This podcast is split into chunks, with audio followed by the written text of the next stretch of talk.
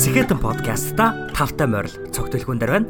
Агуу их зоригтой, зоригдоо хүрх, зоригтой, алдаршгүй зүг чигтэй, зүгэлсэндээ өргөх сэтгэлтэй Сэхэтэн танд зориулж байна. Тэр өдрөө 7 хоног бүтээдэг 7 хоногод сараг тэгээ жилиг тэгээ эцэстээ намайг бүтээдэг учраас амьдралыг бүр ахиж эхлүүлэх боломжийг олгож байгаа байхгүй юу? Бүр энийг бүр ашигла яаж игээл өөртөө цаг гаргах хэрэгтэй. шин санааг, шин шийдлийг, шин гарцыг арай өөр санааг хөшүүл. Өчигдрийн түүхээр өнөөдрийн татай холбогдож маргаашийн таныг хамтдаа бүтээцгээе.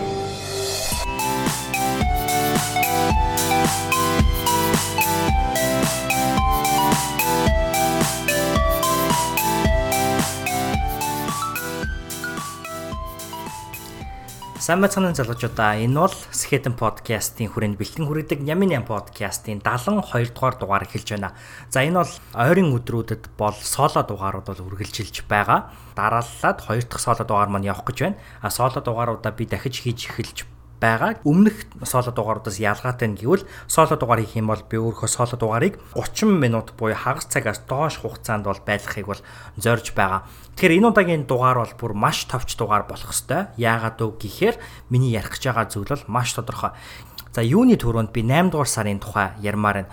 А өнгөрсөн жил бас яг 8 дугаар сард би Монголд байж байгаад Америкт ирэхээс өмнө шинэхэн дугаарыг өөрийнхөө анд найз маргад эрдэнтэй хамт хийсэн байдаг. Тэгээд тэр дугаар дээрээ би нэг зүйлийг уриалж байсан.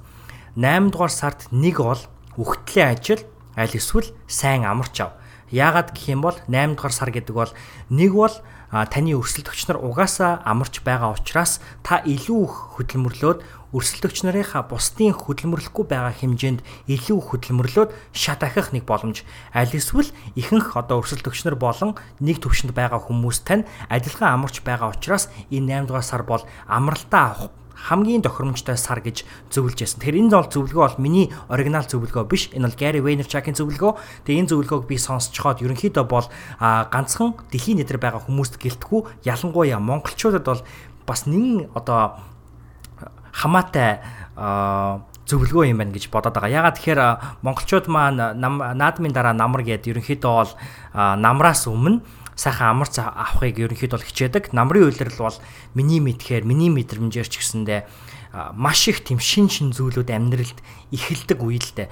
Эргээгээд сургуульд орно, шин найзуудтай болно. Аль эсвэл сургуулаа төгсчгөөд зуныхаа амралтыг авч байгаад анхныхаа ажилд ордог ч юм уу. Ерөнхийдөө бол 9 сар бол намрын үйлрэл бол гайхалтай цоо шин зүйлүүдний эхлэл байдаг яа бас айхтар зуны үйлрэл нэг үдсэн жил 6 7 сар өнгөрөөд одоо 8 сар эхэлсэн одоо ингээд дуслаа штэ guys. Тэгэхээр 8 сар дуусгаж байгаа юм чинь а нэг зүйлийг би та бүхэндээ хүсхээр шийдсэн байгаа маа. Тэр нь юу гэхээр Ямин 8 гэдэг бол өөрөө ерөнхийдөө бол хамгийн анх үүсэхдээ 7 хоногоо дүгнэх зориулалтай амьдралын хэм маягийн блог байсан. 7 хоногоо дүгнэх зорилготой. За миний хувьд өөрөөхөө өөрөөсөө анх за энэ 7 хоног надад авах 8 зүйл юу байсан бэ гэдэг. Тэгэхээр за одоо тэр 7 хоногт уншсан ном ч байдаг юм уу, хийсэн зүйлч байдаг юм аль эсвэл сонссон тийм амар гоё онч мэрэгэн үгсч байдаг юм уу те юу ч байж болно ямар ч 8 зүйлийг өргөдөг байсан. А дараа нь подкаст хэлбэр рүү манай блог маань шилжээд подкастаараа би бас яг тиймэрхүү хэв шинжтэй явж байгаад анхныхаа зочныг урьж оролцуулсан. За анхныхаа зочноос би хамгийн анх Нямын 8 8 асуулт гэж ерөөхдөө бол 8 асуулт асуудаг байсан. Энэ асуултуудаа би сүүлдээ Нямын 8 маань асууха болоод Нямын 8 маань амьдралын хэм маяг дээр төвлөрсөн подкаст хിവэрэ үлдээд гэхдээ яг адилхан 8 асуултан дээр төвлөрөхөө ер нь болсон байгаа. А гэхдээ би эргээгээд дараагийнхаа зочинтой подкаст ахуулаад Нямын 8-ын гал асуултууд гэдгийг бол оруулж ирэх гэж байгаа. Энийг би өмнө нь дурдж байсан. Нилээд хэдэн дугаарын өмнө. За гал асуултууд гэдэг нь юу хэлж байна гэх юм бол хоёр утгаар би гал асуулт гэж хэлж байгаа. Нэгт юуны төрөнд гал гэдэг бол өөрөө альва зүйлийг бадраадаг, эхлүүлдэг, эхлэл гэсэн үг. Тэгэхээр түүнтэй адилхан Нямин 8 гэдэг бол өнөөдрийн энэхүү Skeleton podcast-ийн эхлэл. Тэгэхээр зэрэг Нямин 8 хамгийн анх ямар 8 асуултаар ерөнхийдөө явдаг байсан гэдгийг үндэслээд Нямин 8-ын гал асуултууд гэж байгаа. Тэгэхээр энэ подкастыг эхлүүлсэн, Skeleton podcast-ыг эхлүүлсэн Нямин 8-ын гал асуулт. За хоёр дахь утга шинж нь би Нямин 8-ын энэхүү 8 асуултыг зочноосоо маш тийм гал ассан, дүрлэлсэн. Инстаграмын нэг юм галтай фильтр байдаг шүү дээ, тэ. Зүүм дотор нь ингээд гал ингээл асаалan тэгэл гол руугаа ингээл зүүм хийгээл ингээд бүр гал бат ингээл ар гэл ингээл орилол нэг амар гоё рок ингээл тэ электроник гитар ингээл дуграал ингээд өгдөг фильтр байдаг шүү дээ. Яг тэрнтэй адилхан тим их хүчтэй байдлаар зочноосоо 8 асуултыг асууя гэж бодож байгаа. За тэгэхээр тэр 8 асуултанд зочин маань нэг асуултанд нь одоо нэг үгээр юм уу нэг өгүүлбэр юм уу хоёр өгүүлбэр ч юм уу ерөнхийдөө маш богино хугацаанд хариулах хэрэгтэй. Тэгэхээр бол зэрэг подкастын маань хамгийн одоо яг үндсэн яриа яриа дууслаа. Хамгийн сүүлд нь бид нэр угаасаа сүүлийн тэмээний ачаа хүнд гихчээр яриач халцсан амч халчихсан байх учраас тэрхүү гал дүрлцэн асуултуудыг асуултуудыг асууж асуу асууж подкаста өндөрлүүлье гэж ерөнхийдөө бодож байгаа. Тэгээд сонирхолтой төсөл байгаа байх. Би тэгээд энийг дараагийн хүмүүстэйгээ хийж үзэхээр их догдолж байгаа гэдгээс энэ ташрамд дуртах нь зүйтэй баха. За энэ одоо 8 асуултыг юуны төрөнд а би та бүхнээсээ асууя гэж бодож байна. Яагаад тэгэхээр би та бүхнээсээ нэгэн зүйлийг уриалахыг хүсэж байгаа. Тэр нь юу гэхээр энэ 2019 оны 8 дугаар сараас ахуулаад 7 хоног болгон тэмдэглэл хөтлөөд үзээрэй гэж. Тэгэхээр та бүхэн энэ подкастыг сүүл хүртэл нь сонсороо гэж би та бүхнээс хүсэж байна. Ягаад тэгэхээр би энэ подкастынхаа сүүл та бүхэд нэгэн гоё сюрприз зүйлийг бол зарлах байгаа. За тэгэхээр хүн болгонд амьдралдаа миний бодлоор өөртөө байнга тэмдэглэлийн дэвтэр авч явж явах хэрэгтэй гэж би ерөнхийдөө боддог. Ягаад тэгэхээр тэр тэмдэглэлийн дэвтэр заавал тийм одоо физикл буюу гарт баригддаг дэвтэр бол мэдээж хэрэг байх албагүй А энэ бол одоо гар утсан дээрээ ч юм уу компьютер дээрээ ч юм уу тэмдэглэлийн хөтлөх хөтлж болно. Хамгийн гол нь ерөнхийдөө бол тэмдэглэл хөтлөх буюу journaling хийж өөрийгөө сонсох, өөртөөгөө ярилцах ёстой гэж би ерөнхийдөө боддог. Аа тэмдэглэл хөтлөхдөө миний ажиглаж байгаагаар өөрийнхөө амьдрал ажиглаж байгаагаар хамгийн их алддаг тэмдэглэл хөтлж байгаад тэр дадал зуршлаа хийхэ болждог шалтгаан нь юунд байдаг вэ гэхээр өдөр бүр тэмдэглэл хийн гэдэг бол мэдээж хэрэг хэцүү. А гэхдээ өдөр бүр тэмдэглэл хийн гэдэг бол хэрэгтэй зүйл түүнийг нь хөнгөвчлөх ёстой болов гэж. Тэгэхээр зэрэг өдөр болгон тэмдэглэл хийх ёстой. Гэхдээ тэхийн тулд өнөөдөр бид нэр хөнгөн алхмуудыг авч тэр зуршлыг баг багаар build up хийх хэрэгтэй. Тэр зуршлыг баг багаар бий болгох хэрэгтэй. Ийм учраас би та бүхнээсээ дараах 8 асуултыг 7 хоног болгон ням гарагт өөрөөсөө асууж байгаарай гэж хүсэж байгаа. Магадгүй ням гаргийн 8 цагт те өглөөс ирээд 8 цагт аль эсвэл орой унахаас өмнө 8 цагт хамаагүй 8 цагт ч байна уу 20 цагт ч байна уу хамаагүй өөрөөсөө энэ 8 асуултыг асуугаад тэр 7 хоногоо дүгнээрэй. Яагаад тэгэхээр өнгөрсөн нэг 7 хоногоо бид нэр дүгнэж байж дараагийн нэг 7 хоногоос юу авах вэ? Энэ дараагийн нэг 7 хоногт юу бүтээх үү гэдгээ бид бүхэн олж мэдэх болно. За манай подкастыг удаан сонсож байгаа хүмүүс бол энэ асуултуудыг бол бүгднийг сайн мэднэ. Тийм учраас жоох уйдгартай санагдаж магадгүй гэж би бодсон. Тийм болохоор асуулт болгон дээр жоохон баг баг хэмжээний тайлбар хийгээ явуучихъя гэж би бодож байгаа шүү. За нэгт өөрөөсөө танд тохиолдсон хамгийн талархам дурсамжтай үйл явдал юу вэ гэж #талархал #талархал. За энэ дээр би талархал дээр ерөнхийдөө нэг сонирхолтой жишээг би та бүхэндээ хуваалцмаар байна л да.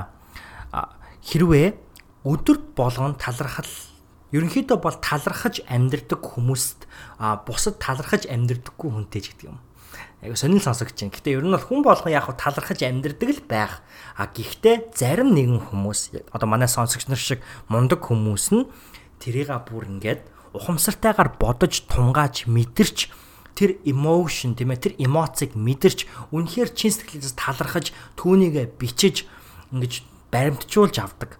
Тэгэхээр зэрэг ингэж амьдарж байгаа хүмүүс ямар эрүүл мэндийн давуу талуудтай байна вэ гэдэг дээр би баг зэргийн судалгаа хийсэн чинь маш сонирхолтой байсан л да. Одоо хамгийн сонирхолтой нь гэх юм бол байнгын тэгж судалгаа одоо талархлаа илэрхийлдэг хүмүүс яадаг вэ гэхээр дархлааны систем нь илүү сайн байдаг. Илүү урт удаан амьдардаг. За тэгээд дээрэс нь мэдээж хэрэг илүү эрэг бодолтой, илүү эрэг эмоушнтэй, илүү эрэг сэтгэлгээтэй болдгоо гэж. Тэгэхээр зэрэг талархлын дэвтэр хөтлж байгаа энэ хүмүүс маань, талархлын тэмдэглэл хөтлж байгаа энэ хүмүүс маань зөвхөн амьдралдаа хүсэж байгаа зүйлүүдийг улам ихээр бүтээгээ зогсохгүй эрүүл амьдрдаг гэж бодохоор бүр үнэхээр гайхалтай санагдаж байгаа. За одоо олон хүмүүсийн зүдэрдэг нэг сэдв байна л да. Сайн унтж чаддгүй, бүх унтж чаддгүй, талархлын нэмэл хөтлөөд үзгэж сэтгэл зүйчнэр зөвлөдөг болсон байна. Илүү амьд тухайн цаг мөчтөд амьдрдаг болохын тулд талархлын тэмдэг тэмдэглэл хөтлөх сайхан сэтгэл тийм ээ. Бусдын төлөө гэсэн сэтгэл бол үнэхээр байдаг зүйл буюу энэ зүйлийг хүн өөрөө өөртөө бий болгох ёстой гэдгийг сэтгэл зүйчид ерөнхийдөө бол олж тогтоосон учраас мөн талархлын тэмдэглэл хөтлөхийг бол санал болгодог. За University of California-гийн Davis гэдэг одоо хот дахь салбарт UC Davis гэж хэлдэг. А тэр сургуулийн одоо psychologist тийм ээ сэтгэл судлаач Роберт Emmons-ийн бичсэн Баярлаа гэд ном байдаг. За ер нь англи нэр нь болохоор Thanks how the new science of gratitude can make you happier буюу аз одоо талархлын шин шинжлэх ухаан таныг хэрхэн аз жаргалтай болгодог вэ гэсэн баярлаа гэсэн энэ номон дээр Зүгээр л өөртөө талархлын тэмдэглэл одоо хөтлөх нь ерөнхийдөө бол амьдралын амьдралын таашаалыг буюу амьдралдаа сэтгэл хангалуун амьдрах тэр амьдралыг бий болгодог гэдэг байгаа. Тэгээ өнөөдөр би нэг мөнгөний тухай подкаст сонсч ирсэн баггүй The Art of Manliness подкастн дээр. Тэрэн дээр тэгсэн чи юу гэж хэлсэн бэ гэхээр мөнгө хүнийг аз жаргалтай болгодог уу гэдэг дээр асуудал ирж байгаа. За тэгсэн чинь мөнгө хүнийг аз жаргалтай болгодог хүний нөгөө basic needs буюу ерөнхий хангагдах ёстой шаардлагууд гэж бол байдаг те. Одоо байрны нэг сарын түрээс ч байдаг юм уу, хоол хүнс ч байдаг юм уу, хэрэгтэй зүйлүүд авчдаг. Ерөнхийдөө бол идэх уух юмтай, а унтж амрах гэр оронтой, хамгаалттай, дээр одоо дээвэртэй ийм зүйлүүд хүн байгаа тохиолдолд тэр хүн ерөнхийдөө бол ад жаргалтай байдаг. Тэр зэрэг эднэрийг юу бий болгож байна гэхээр мөнгө бий болгож байна тийм үү. Тэгэхээр нэг тийм дундаж medium class буюу дундаж одоо амьдралтай болчих юм бол тэр мөнгө бол одоо олон асуудлуудыг аваа хайчихлаа гэсэн үг. А гэхдээ тэр дундаж давхургаас илүү их баяжих бол хүнийг ерөөсөө одоо илүү аж аргалтай болгодоггүй. Тэгэхээр хүмүүс улам л баяжаад байдаг, улам л их мөнгөтэй болоод байдаг. Гэтэл амьдралын life satisfaction буюу амьдралын амьдралын сэтгэл хангалуун байдлыг мэдэрдэггүй байна л да. Тэр нь яагаад вэ гэхээр амьдралынхаа бай өөрөө өөртөө байгаа зүйлүүдэд талархахгүй харин илүү үхийг бүтээхийг илүү үхийг олж авахыг зүтгэдгээс болдгийм байна. Тэгэхээр зэрэг талархлын дэвтэр нь танд өөрөө өөрийнхөө амьдралд юутай байгаа гэдгийг сануулгах нэг чухал төхөөрөмж юм. А талархлын дэвтрийг хөтлөхдөө талархлын тэмдэглэл хөтлөхдөө яах нь яах ёстой вэ гэхээр ингэх ерөөсөө хэрэггүй. За би ээжтэй талархаж байна гэж хэлэх бол яг мэдээж хэрэг гоё. А гэхдээ яг яагаад би ээждээ өнөөдөр талархаж байгаа вэ гэдгээ бодоод илүү нарийн гаргаж ирвэл илүү сайн, илүү specific те. Тэгэхээр илүү нарийн гаргаж ирнэ гэдг нь юу хэлж байна гэхээр магадгүй өнөөдөр өглөө би сэрүүлгэндээ сэрээгүй байтал ээж маань намайг орж ирээд духан дээр зөөлөн үнсээд миний хүү сэрээрээ миний охин сэрээрээ гэд намайг сэрээсэн гэж ингэж бичих бол тэр өөрөө ямар их ад жаргалтай ямар талархмаар бүр ингээд хэдэн жилийн дараа тэрийг нэрээ олж уншаад бүр уйлмаар те тийм гоё зүйл байгаа. Тэгэхээр зэрэг өнөөдөр зүгээр ээжтэй талархаж байна гэд бичээд орхичвол харин яг юу постыг бичээд орхичвол хэдэн жилийн дараа уншихад тэр зүйлтэй мөн л танд бүр яг тухайн үед мэдэрчээсэн тэр аз жаргал тэр талархан мэдрэмжийг эргэж авчрах юм байгаа юм шүү. Тэм учраас талархлын тэмдэглэлээ хөтлөхдөө маш нарийн тодорхой бичиж талархаж байгаарай.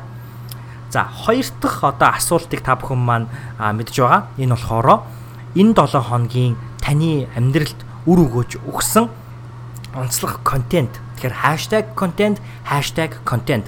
За контент гэдэгт бол одоо ном орж олно, сонин, мэдээ артикл, видео, подкаст, кино гэл янз бүрийн ямар ч контент орж орж болно.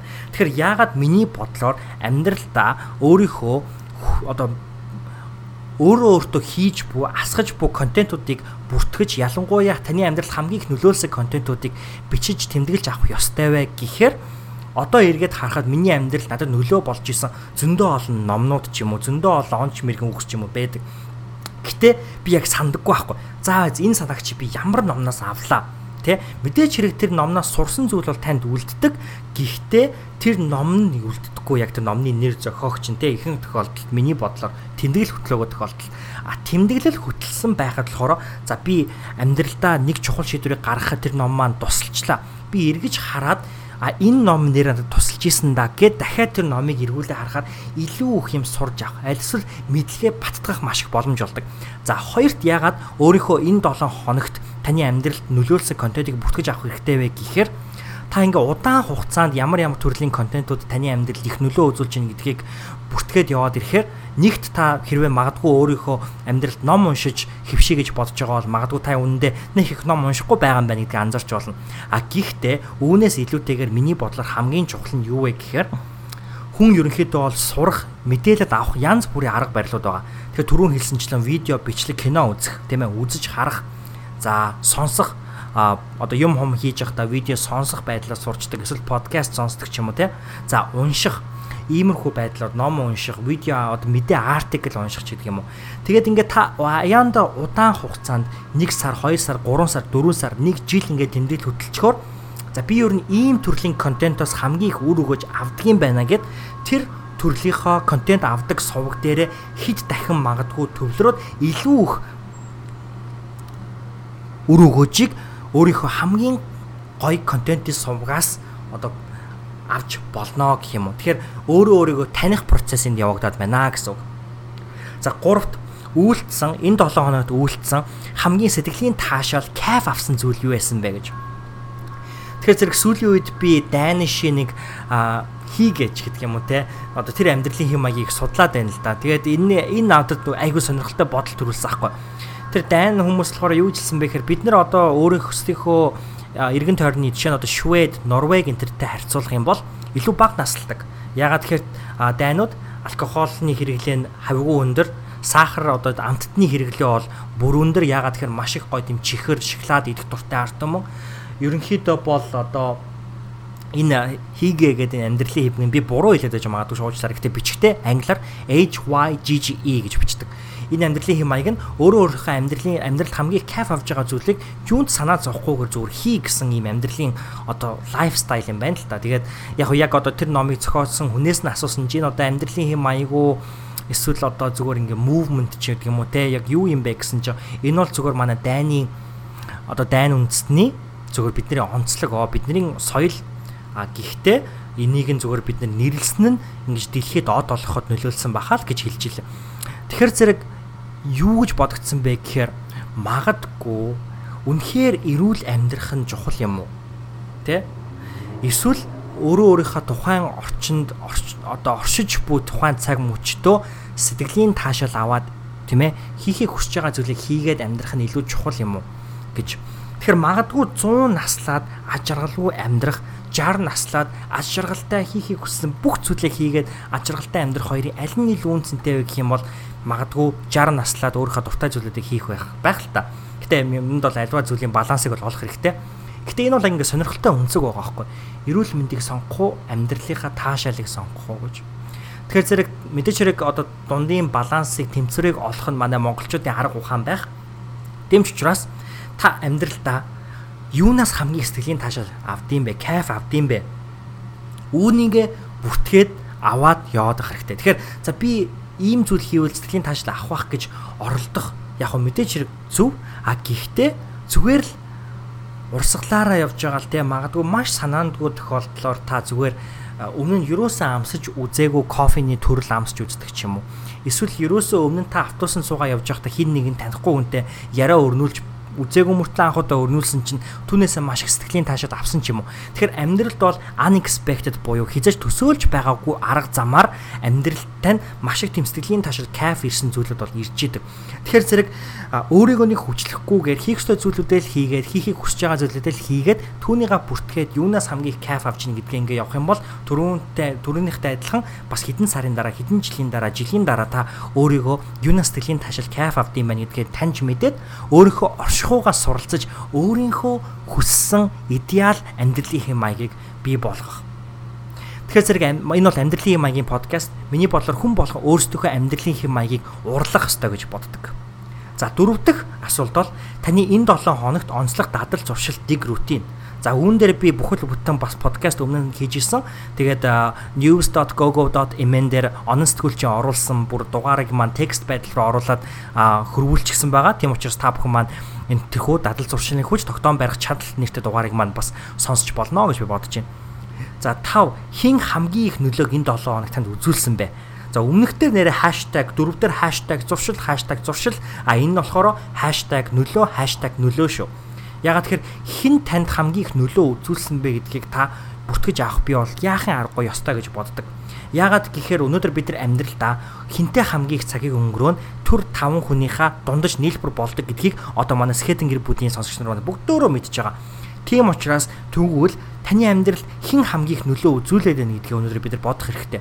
Аль эсвэл нэг их уулздаггүй нэг хүнтэйгээ нэг удаа уулзсан чинь таны амьдралыг оронгоор нь эргүүлсэн нөлөө үзүүлсэн байж болно. Тэгвэл магадгүй та тэр хүнтэй дахиад нэг удаа уулзах хэрэгтэй байх.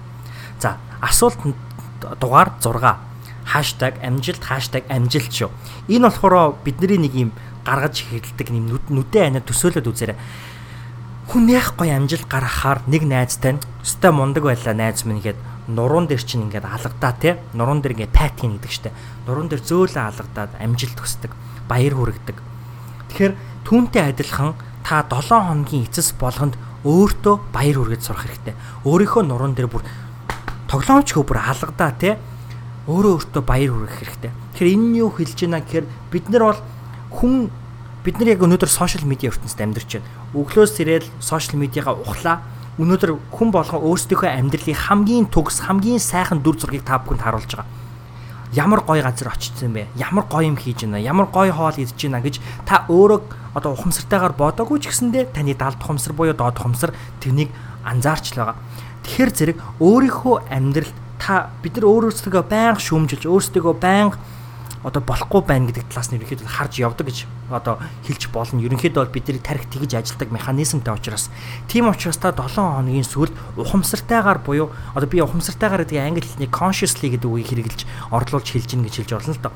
Тэгэхээр бүр consciously тийм ээ ухамсартайгаар өөрөөсөө энэ 7 хоногт би ямар амжилт гаргасан бэлээ.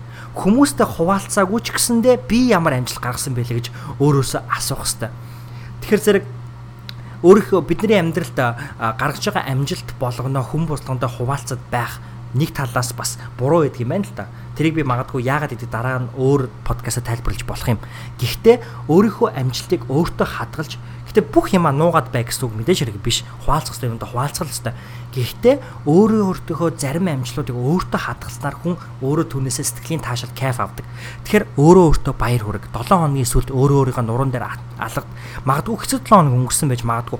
Хэцүү 7 хоногт чи даваад гарлаа штэ тий. Чи даваад гарлаа штэ болдоо. Чи даваад гарлаа штэ бэлгүүнэ. Чи даваад гарлаа штэ дараа гэдэг ингээ өөрөө өөртөө хэл хэрэгтэй.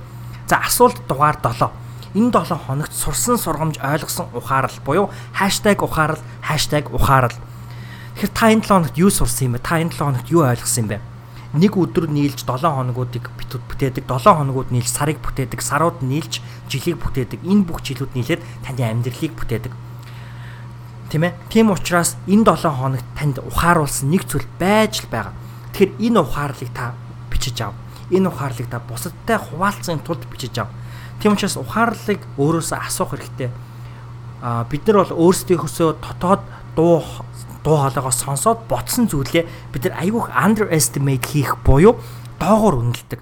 Гэтэл таны дотор магадгүй маш ухаалаг, маш гоё санаа тийм ээ. Ягаад гэвэл таны амьдрал өөрөө маш онцгой. Та хинээч туулаагүй цорын ганц цоо өөр амьдралаар амьдарч байгаа. Таны туулж байгаа, таны бодож байгаа тэй адилхан нэг ч хүн өөр бодохгүй. Нэг ч хүн өөр таны тулж байгаа зүйлүүдийг мэдрэхгүй тэгэхээр зэрэг таны ухаарал таны бодол таны мэдрэмж цор ганц. Энэ мэдрэмжээ бичиж ав бидэнтэй хуваалц хүмүүстэй хуваалц. Тийм ч учраас скетинг гэр бүл оршдог. Тийм ч учраас бид бүхний подкаст өнөөдөр үүний төлөө та бүхнийхээ та бүхэн шиг гайхалтай сонсогч нарынхаа арга ухааныг нийлүүлж тэр ухаарлаар ухаарлыг бусдад түгээж гайхалтай ирээдүг Монголдо эх орондоо дэлхийд Монголоос эхэлж Монголоос тархааж амьдрахыг ерөнхийдөө бид нар хичээж байгаа. За асуулт дугаар 8. За энийг бид нар сайн мэдж байгаа маань Ямын 8-ын сонсогч нар тийм ээ. Бид нар асуулт 8-ыг хоосон орхидог. Тэгэхээр зэрэг хоосон орон зай гэсэн үг. Тэгэхээр энэ хоосон орон зайд та энэ 7 хоног юу бичмээр байна? Юу тэмдэглэж авмаар хамаагүй түүнийг л бич та энэ 7 хоногт өөрөөсөө юу асуумаар түүнийг л асуу. Тэгэхээр энэ орон зай, энэ бүхнийг өөрөө өөртөө гаргаж өгөөл гэсэн үг. За та бүхэндээ би подкастын хахинд хэлсэн. Энэ подкастн дээр нэг сюрприз байгаа. Тэр сюрприз нь бэлэг гэх юм уу? Тэгээд нэг амар том бэлэг бол биш гэхдээ хамгийн гол нь энэ бэлгийг маш удаг учиртай маш том бэлэг болгож чадах нь та өөрөө. Тэр нь юу гэхээр би яг өнөөдрийн подкастт зориулж нэгэн темплейт гаргасан байгаа. Энэ нь болохоор PDF дээр байгаа буюу та энэ одоо зүйлийг зүгээр хэвлж гаргаад авдаг ч юм уу. Аль эсвэл зүгээр үүнийг хараад inspired болоод дуурайлгаад цаасан дээр хийдэг ч юм уу. Тийм байдлаар тэмдэглэл хөтлөх боломжтой. Тэгэхээр зэрэг одоо ийм хоосон ийм гоё хоосон гоё темплейт байгаа. Ингээ яг одоо би түрүүн яагаад хаштаг хаштаг гэд талархал хаштаг контент хаштаг оршихуу гэж хэлээд байгаа гэхээр яг ийм 8 ширхэг цонх байгаа. Хаштаг талархал, хаштаг контент, хаштаг оршихуй, хаштаг зуршил, хаштаг нөлөө, хаштаг амжилт, хаштаг ухаарл. За тэгээ хамгийн 8 дахь нь буюу тэр нь болохоор хоосон орон зайгаа. Энэ хоосон орон зайн дээр нь би цэг цэг цэг оны, цэг цэг сарын цэг цэгний 7 хоног гээд ингээд бичсэн байгаа. Та тэгэхээр тэр өдрийг нь тэр 7 хоногийг нь ингээд дүүр нөхөж бичээд энэ 7 хоногийнхаа тэр хоосон орон цаг та өөрөө нөхөөрэй. Тэгэхээр зэрэг түрүүн хэлсэнчлээ энэ бол сюрприз бэлэг нэг том бэлэг бол биш. Гэхдээ энэ бэлгийг том утга учиртай бэлэг болгож чадах хүн та байгаа. Үүний тулд энэхүү нямын 8-ын тэмдэглэлийг нямын 8-ын энэхүү тэмдэглэлийг тийм ээ 7 хоногоо дүгнэх тэмдэглэлийг татаж аваад хэвлээд 7 хоногийн сүүл болгон үнийг юу яагаарай? Хөтлөөрэй Тэгээд та бүхэн хөдөлсөн зүйлээ болохоро #nyamin8 гэж бичээд кириллэрч байж болно, латинаарч байж болно. Гэтэ ерөнхийдөө латинаар авилт ажиг байх шүү те.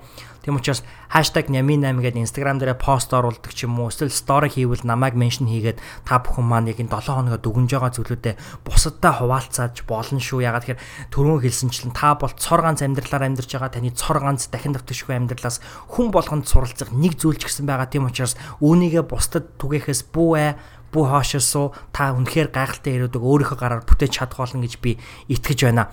За энэ хүрээд манай Skeleton podcast-ийн хүрээнд бэлтгэн хүрэгдэг 88 podcast-ийн маань 72 дугаар дугаарын соло нэгэн дугаар өндөрлөлөө. Надтай хамт байсан маш их баярлалаа. Нямын 8-ийнхаа 7 хоногоо дүгнэх тэмдэглэлийг татаж авахын тулд та бүхэн маань Skeleton Zig.com гэж ороод хамгийн сүүлд нь Ями 8-ын дугаар дээр ерөнхийдөө бол байх юм байгаа шүү. Тэгэхээр sketen.com гэж ороод Ями 8 подкастынхаа 72 дугаар дугаарын блог пост руу ороод 7 хоног дүгнэх Ями 8-ынхаа тэмдэглэлийг татаж аваарай.